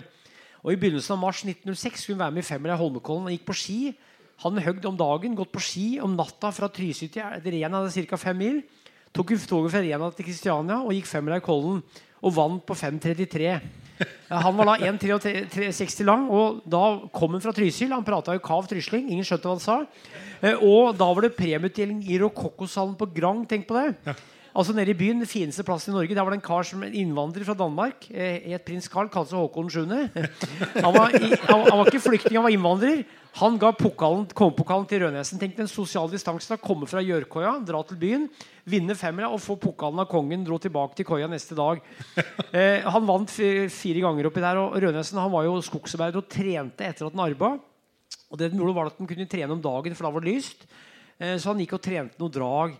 Eh, og han eh, felte jo faktisk med øks. Han brukte ikke, brukte ikke sag, han felte med øks. altså. Jeg har sett, før, Selv under krigen hadde han ikke begynt å bruke sag. Han felte med øks, altså. Eh, og, og, og en jævlig harding til arbeid. Eh, og han sa ingenting, for at jeg prata med fosters, han hadde en fostersønn eh, som jeg prata med i 2017. Han var født i 29, og han hadde bodd sammen med Rødnesen han, i 14 år, eller 12-14 år. Og spist sammen flere ganger om dagen. sa han, og vært et par vintre sammen i koie. Men jeg har aldri ført en samtale med han. Så, bodd sammen i over ti år uten å ha ført en samtale. Han sa ja, han, var jævlig grei, altså, men han sa ja nei og, og smilte. Da, men han prata ikke noe særlig. Han arba, gikk på ski. Og, det, og Han var femmilsvinner av Kollen fire ganger og, og var førstemann om mål i Birken i 1932. Han gikk på 5.19,04. Og vinneren gikk på 4.51,40. Da var Rønnesen han var 49 år og 8 måneder. Og da, da, Jeg er jo snart 58 år. Da, da Hvis du var så gammel, så fikk du kunne gå Birken. Altså. Da var det olding. Men Han var olding da han var 49 år, i 1932. Han var tømmerhogger og hadde et småbruk oppe i Flendalen, eh, som har flytta til i 25. Elling Rønnes, eh, legende på ski og femmilsvinner i Kollen fire ganger. Og skogsarbeider hele livet. Men det er allerede, så jeg boka, altså allerede i 1909 Så begynte jeg å, og videre framover så kom det mange. Altså, regel, liksom, staten begynte å legge seg bort til hvordan det skulle være i skogskogene for å prøve å bedre forholdene. Det var regler, men de reglene ble ofte ikke fulgt. Nei. For det var mange som var bekymra. Mange som eh, hadde tuberkulose for 100 år siden, eller 110 år siden. Tuberkulose en, drepte jo 250 000 nordmenn fra 1890-tallet fram til krigen. Cirka, eller litt etter krigen. Eh, Det var mange tusen året som tu fikk tuberkulose, og en del folk som var skogsarbeidere, fikk tuberkulose. Så de mente at hygiene var viktig, og det var det jo. Så de ga regler, men de reglene ble ofte fulgt lokalt av noen skogeiere for eksempel, eller noen allmenninger. Men generelt var det veldig mye dårlige kår. Lenge etter det, altså Helt ut på 50-tallet var det fortsatt mange koier som var dårlige. Eller like etter krigen. da Men altså det var mye dårlige kår i koiene. Eh, eh, veldig lenge selv om regla kom. For at sjøl selv om det er 80 på motorveien, eller på veien, så kjører folk i 110. Eh, så folk bryter jo regla. Altså, om regla fins, så Jeg følger ofte ikke regler, jeg heller. Men, men altså, det er noe med at eh, om regler fins, så blir de ofte ikke fulgt. Særlig ikke da, for det var dårlig oppfølging på mye sånt. har jeg skjønt. Men eh, du nevnte noen navn her som ganger. Ludden. Ludden, ja. Han må du fortelle oss litt om. Han het Ludvig Olestengen, var født i 1887 oppe i Mesterli. Og, og faren hadde ei hytte, eller koie, oppå Kuåsen innafor Sjusjøen. Altså, det var Sjusjøen, så har du, har du Kroksjøen, og der til høyre heter det Kuåsen. Jævlig fint område, li- like ved Birkebeinerløypa. Der hadde faren ei jaktbu. Eh, eh, Simen het han. Var det vel? Eh, Eller var det det? Ja, Ludvig, var, hadde en bror som, Ludvig hadde en bror, men jeg lurer på om faren het Simen. Ja. Og Ludvig han eh, var med faren oppå der, fordi de, de jakta, de fiska og de plukka bær. Eh, og det gjorde de brødre av Fjerningsen, De plukka mye bær. Men i hvert fall så var han der, da, eh, eh, Ludvig, og han flytta oppi der. Da var han ca. 5-26 år og ble boende oppe i Kroksjøen, eller på Kuåsen, mer eller mindre resten av livet. Han hadde ei koie der, og så hadde han ei koie ute på Kroksjøen, ei fiskehytte. Og så hadde han et par koier til oppi der. Og blant annet den første, koja, første matstasjonen på, i Birken i 32, det var en av koiene til Ludden. Og han, var, han ble kalt Ludden, han het jo Ludvig Olsteigen, og han var jo det vi i Brumunddal sier hordakslig. Han gadd ikke å ha noe dass, han bare dreit på en planke og kasta ut av døra. Og han, han gadd ikke, gadd ikke å sage ved, Nei. så han hadde bare åpen dør. Så dro han stokka inn i ovnen, og så dro han inn etter at han trengte det. Så døra sto alltid åpen. Hadde ingen dyne, hadde frakker. Folk ga han frakker, hadde aldri dyne. Så han bodde oppå der, og han plukka mye molter. og Det er jo historien om han kom til Lillehammer og hadde møkkete hender. Og så spurte hun der kjerringa på- oppe i Lillehammer har du plukket bærene med disse møkkete fingrene. Ja, de har jeg tørka meg i ræva med òg, sa han. Så han, han var litt av en taling. altså. Ganske liten, og hvis du ser bilder av han, så ser han ut som Ludvig. Han ser ut som Ludvig i Flåklypa. Eh, Og det var ikke noe vondt i ham. Han, klart var, var litt glad i alkohol, men Sjusjøen er jo et område hvor det har vært hytter allerede fra 1880-tallet. Så det kom, begynte å komme hytteturister allerede på 1890-tallet og utover. Så han dro gjerne opp, for da var det ikke vei. vet du. Så han dro da gjerne bagasje opp fra Mesterli til Sjusjøen og var hjelper på hytter oppå der. Og så jakta han og fiska han. Så han var egentlig jeger han var, men så hadde han inntekter da på, å hjelpe turister. og og var litt, en karakter altså, som, som uh, kunne sovne bare. Den, eller ikke, ikke sovna hvis den gikk seg vill, så la han seg i snøen og lot seg snø ned. Og så hørte han på værdraget og på elva og på bekker. og sånn, sånn. Han overlevde der. Uh, og hytta er ca. 7 kvadrat og fins i dag. Det er Ludnytta, men er ei koie. da. Og der har jeg vært, husker jeg, for Far min hadde hytte på Elgåsen. Og Vi var der som guttunge. Og mor mi, som er født i 42, hadde, mm, traff Ludden på, på 50-tallet. Så det fins et bilde av mor sammen med Ludden. Han var en legende, altså, og, men også en original, så klart. Og drakk en god del i perioder og var ikke så renslig. Men han, var, det var ikke noe vondt i det. altså. Han, eh, Veldig mye. Det fins en bok. Kari Skanke skrev bok om han. som jeg har. Den er veldig fin. Den er utsolgt, men den fins. Kom på 90-tallet. Og, eh, og, og jeg prata med en som heter Arvid eh, Svendsen fra Mesterli, som er født 1920. Han prata mye om Ludden. Så, så, så mm, det var en, en kjendis i fjellet. Og han, han var jo, var jo, var jo, var jo mm, eh, Han hadde ikke noe dame, men det var en dame som het Metzi, Mitzi, som var fra Østerrike og Ungarn, som kom til Norge etter første verdenskrig. Og Hun jobba på sanatoriet nede i Mesterlia. Og hun ble en slags venn med Ludvig. Eh, Det var ikke kjæreste, men de var venn. Og da han, eh, han flytta, Ludvig flytta fra hytta ned mot nærmere Sjusjøen. Og den hytta han hadde, den donerte han til hun. Eh, Så hun arva den da Ludvig gikk bort i 55. Han fikk jo hjerneslag og døde i 55 plutselig. Ludvig Olestengen, så han ble 68 år. men du snakka om ikke følge regler. Han har rett og slett sittet i fengsel for tjuvfiske. Ja, Ludvig gjorde det, han og broren, ja. Eh, slapp var på vann og brød. For at da kunne Hvis du for fikk 30 dager da, i fengsel, Ja. kunne du krympe ned til 10 dager hvis du hadde det på vann og brød.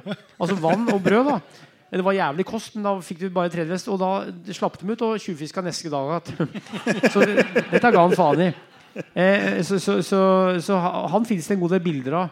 Eh, så jeg har fått tak i nå i forbindelse med boka fått tak i en del bilder av Ludden som jeg aldri har sett før. faktisk Han, han, ble, øh, han var populær hos unga for at han var veldig snill mot unger.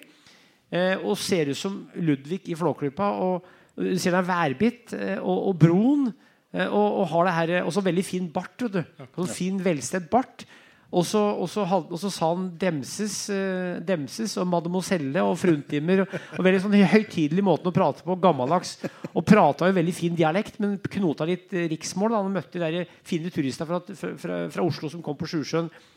Så, så mor mi som sagt har, møtt ham, og Arvid Svendsen i eh, var jo besøkt i 2000 og, ja, flere ganger, for så vidt. Men han bodde oppe i Harkerud oppe i Mesterny, og han pratet med Ludo. Han fortalte en gang at det var han var guttungen da på 30-tallet, og det var julaften. Hele kirka oppe i Mesterny var full, eh, og, og, og, og plutselig kom det inn en kar.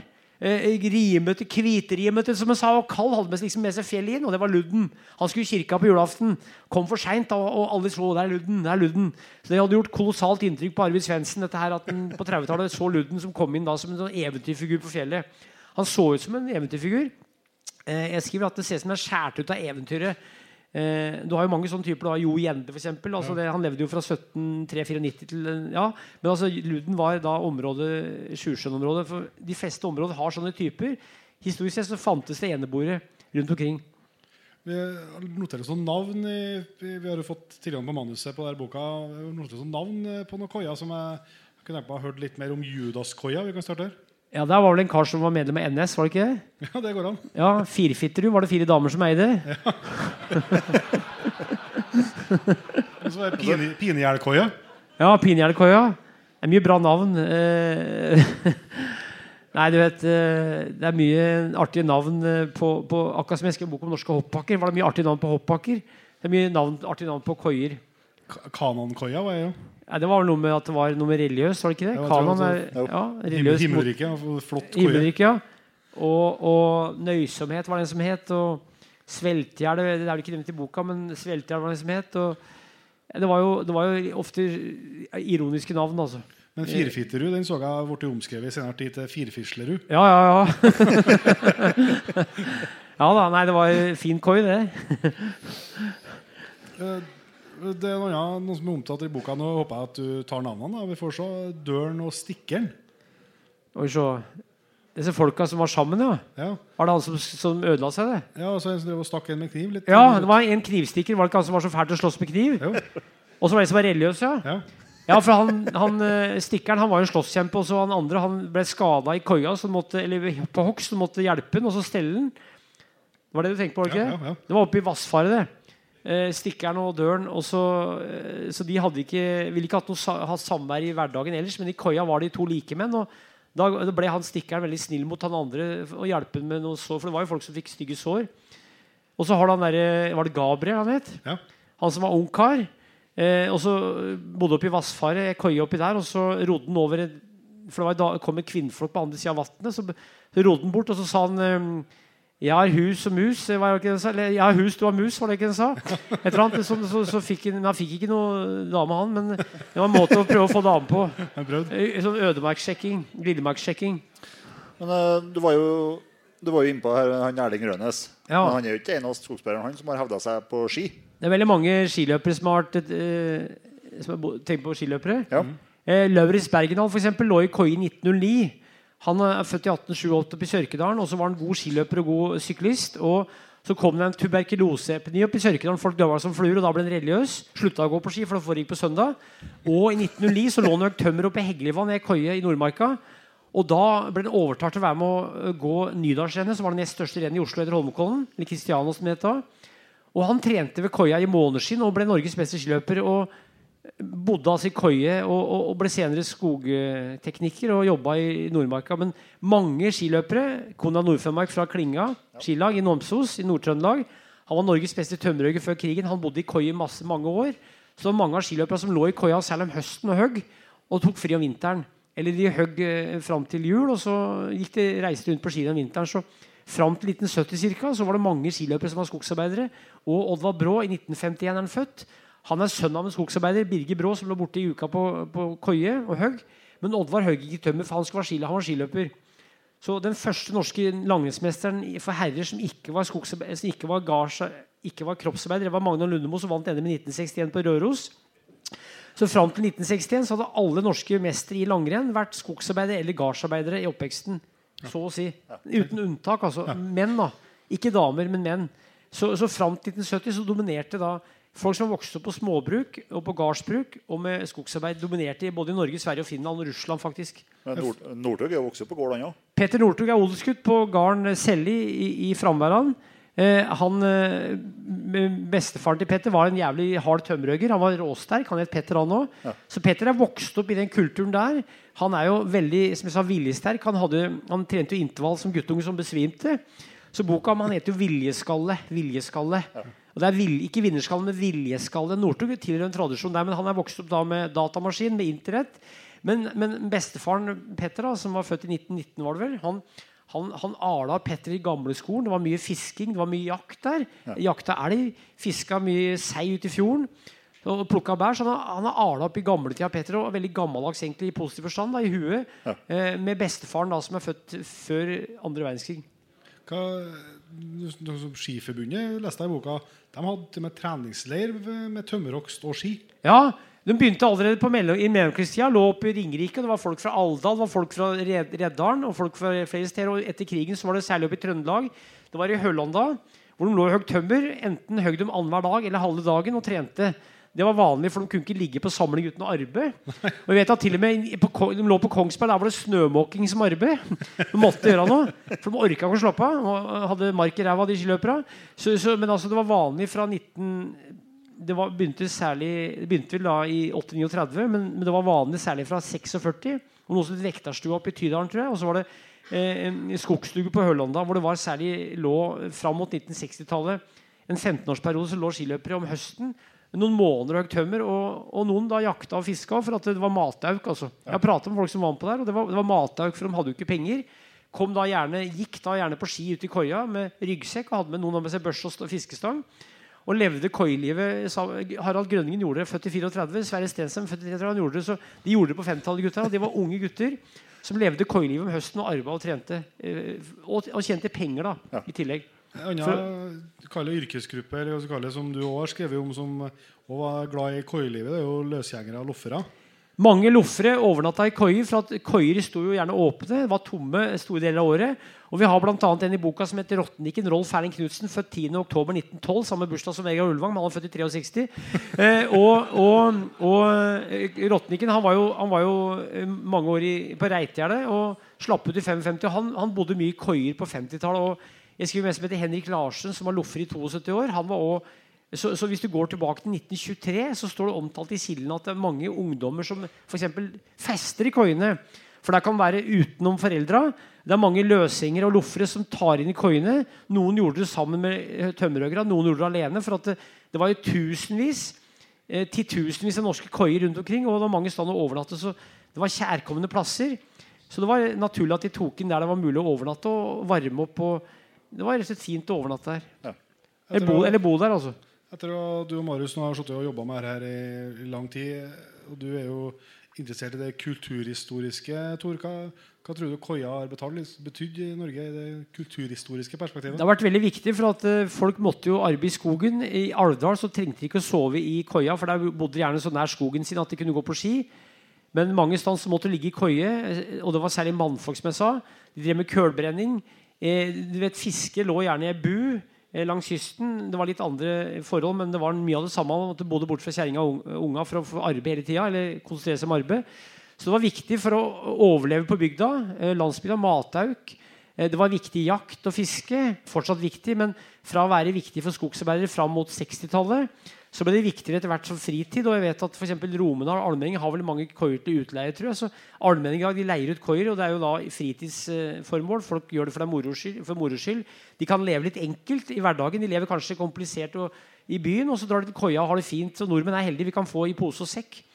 Vi kan eh, ha en jobb hvor vi kanskje eh, har det ganske lett fysisk. Kan vi slite litt med idrett eller jakt og fiske på fritida og bo i en koie. Så Jeg tror ikke det er noe land i verden som har flere hytter enn Norge sammenlignet med befolkningen. Og det samme gjelder koier òg. Jeg tror Norge og Finland, eh, Sverige, de er de landene med flest koier, for det er mye tømmerhoggere her. Så jeg tror det er enormt mye koier i Norge i antall hvis du tar eh, i forhold til befolkningen. Er det Fortsatt. som, tror du det som gjør at det er altså, grunnen til at det er så mange, at, det, at så stor andel av befolkninga har hatt et forhold til dette i, i bare for 50 år siden, altså som en del av hverdagen? Jeg tror det. Og hvis du tar med jakt og fiske, da, som er viktig i Norge fortsatt, og har vært viktig som mattak, er fortsatt viktig, så vi er jo et naturfolk, og uansett hvor du bor i Norge, eh, så er du aldri mer et kvarter løping eller sykling unna skogen og fjellet. Hvis du bor på Grünerløkka, tror du er Urbane Jeep, så er det et kvarter opp i skogen på sykkel. Og bor du i Bergen, så er fjellet altså, Vi er alltid nordmenn.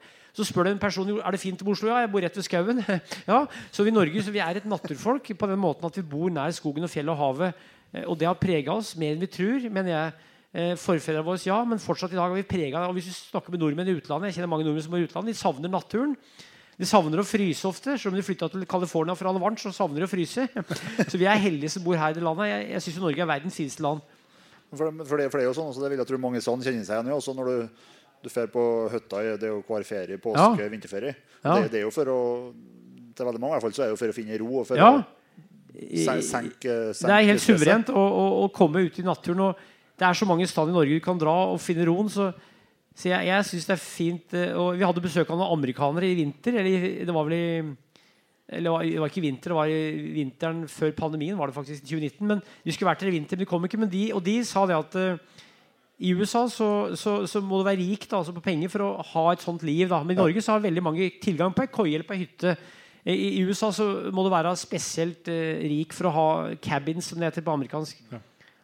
Hva, dette var en liten smakebit fra boka 'Norske koier'. eh, Eh, Koieboka heter den. Koieboka, Ja, ja. Når, er det, når er det den kommer for salg? Eh, rundt 16.-19. oktober.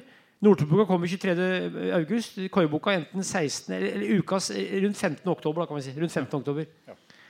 Men du, har, men du har flere bokprosjekt på gang? Ja, det kommer en bok om skimuseet, og så kommer det en bok som heter 219 timer i Amerika. En bare sånn tullebok jeg skrev for noen år siden, som kommer ut òg. Eh, også norske sparkstøttinger. Men jeg, jeg skriver bare én bok om gangen. Så, så, så, så jeg, jeg jobber ikke så fort som folk tror, men jeg tar én bok av gangen. Så hvis du tenker deg, hvis du har da, hvis du har da fire damer på et år, da, hvis det er ei dame i slengen, så går det. Men du har fire samtidig, så går det ikke an. Så det, det, ja.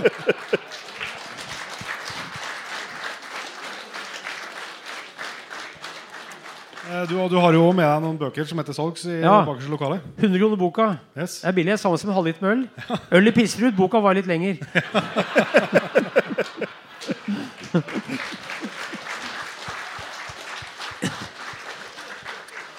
Da tror jeg vi skal faktisk begynne å gå inn for eh, landing. eh, Vi òg. Dette ble akkurat så eh, artig og så bra som jeg hadde håpa, Tor. Så jeg syns vi alle sammen skal gi Tor Gåtås en kjempeapplaus. Takk. Takk. takk. Det var altså Tor Godtås, det, eh, som eh, har skrevet eh, 48 bøker, han sa, eller er- i hvert fall mange. Mange. og nå er Jeg tror nesten ikke han har oversikten sjøl. det tror ikke jeg heller. Det er ikke sikkert det går an å finne ut helt heller. Men eh, nå er i hvert fall aktuell i lag med Marius Negård, Negård Pettersen da, med Koieboka. Ja. Eh, og den er jo i salg disse dager, så det er mulig å både ønske seg julegave, eller gi bort i julegave, eller uh, kjøpe til seg sjøl hvis du vil lese med en gang òg. Ja. Så det, mm, vi heier jo litt på en uh, Tor, så vi har ikke noe problem med å reklamere litt for han. Nei, nei, nei. så det Han er en enkel, enkel sjel. Ja, han er en bra, bra mann, så det er artig at, uh, å få være med litt på det. Og artig å få tatt en prat med han igjen. og få, Uh, Noen av historiene har du hørt før, og noen har du ikke hørt før, men det er jo liksom hele oppsynet og stemmen og energien er jo så smittende så magisk at du, du blir jo litt eh, Du blir jo litt med uansett. Den blir det. Så da håper jeg at eh, du som har vært med oss helt tid, så syns at det var verdt å få med seg. Det blir jo litt, litt annerledes enn hva vi er vant til i Jegerpoden, men eh, vi klarer jo en av episoden uten, uten tettpakka, bare med jaktprat i hvert fall. Det gjør vi. Og så var jo her, her var jo et, eh, her var jo et liveopptak fra Løten, og, og eh, nå Vi prøver jo å jakte litt på høsten, men, eh, men vi skal jo i gang med et, eh, med et nytt liveshow eh, i Oslo. 13. desember. Onsdag 13. desember, og der er billettene ut, og de finner du på tasopp.no. Jipp. Så går det an hvis du enten er i Oslo-området eller bor i Oslo, så Send en melding til Oslo-området elgklubb om noe som vil komme, vil komme være med på, på Jegerpodden live. Der vi har, vi har en, en artig plan tror jeg, for den, den kvelden der så vi håper at det er noen som, eh, som tar turen dit. Og det kan vi nå nevne at eh, det nærmer seg ny vinter. Og, og vi har jo en del liveshow rundt omkring. En del er allerede booka både for vinteren og, og våren framover. Men eh, vi er åpne for flere sånne bookinger, vi.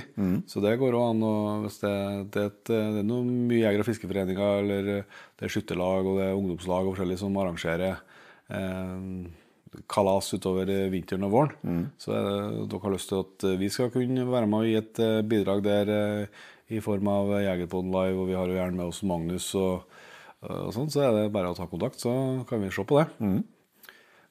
Men vi skal jo takke nyankomne Patriens før vi runder helt av nye. Det skal vi. Lista er lang og god. Vi var jo inn på, inn på veksten her eh, og litt forviklinger helt i starten. Men eh, vi starter bare på toppen, og så sier vi tusen hjertelig takk til Vidar Lyngdal, Robert Tokheim, Magnus, Morten Auren, Rune Tidrem, Torbjørn Kløfta, Håvard Brevik, Jan Kleven, Bård Erlend Thoresen, Ola Appelbom, eh, Jon Bjarne Homme Murbrekk, Isak Oskal, han måtte vel høre episoden sjøl, han. ja.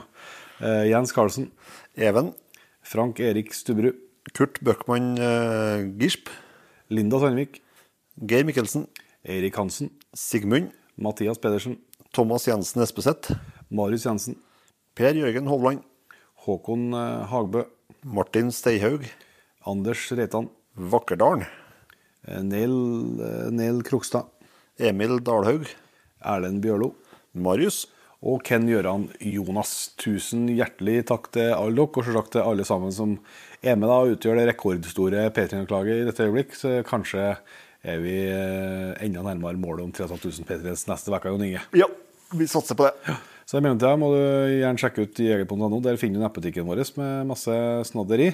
Og så tror jeg vi bare unna, og ser vi som vi bruker å gjøre til, Jon Inge, til neste gang. Vi høres.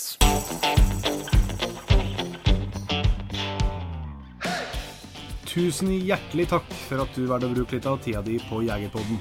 Sjekk ut jegerpodden.no eller eh, din favoritt-podkastspiller for enda mer innhold og flere episoder.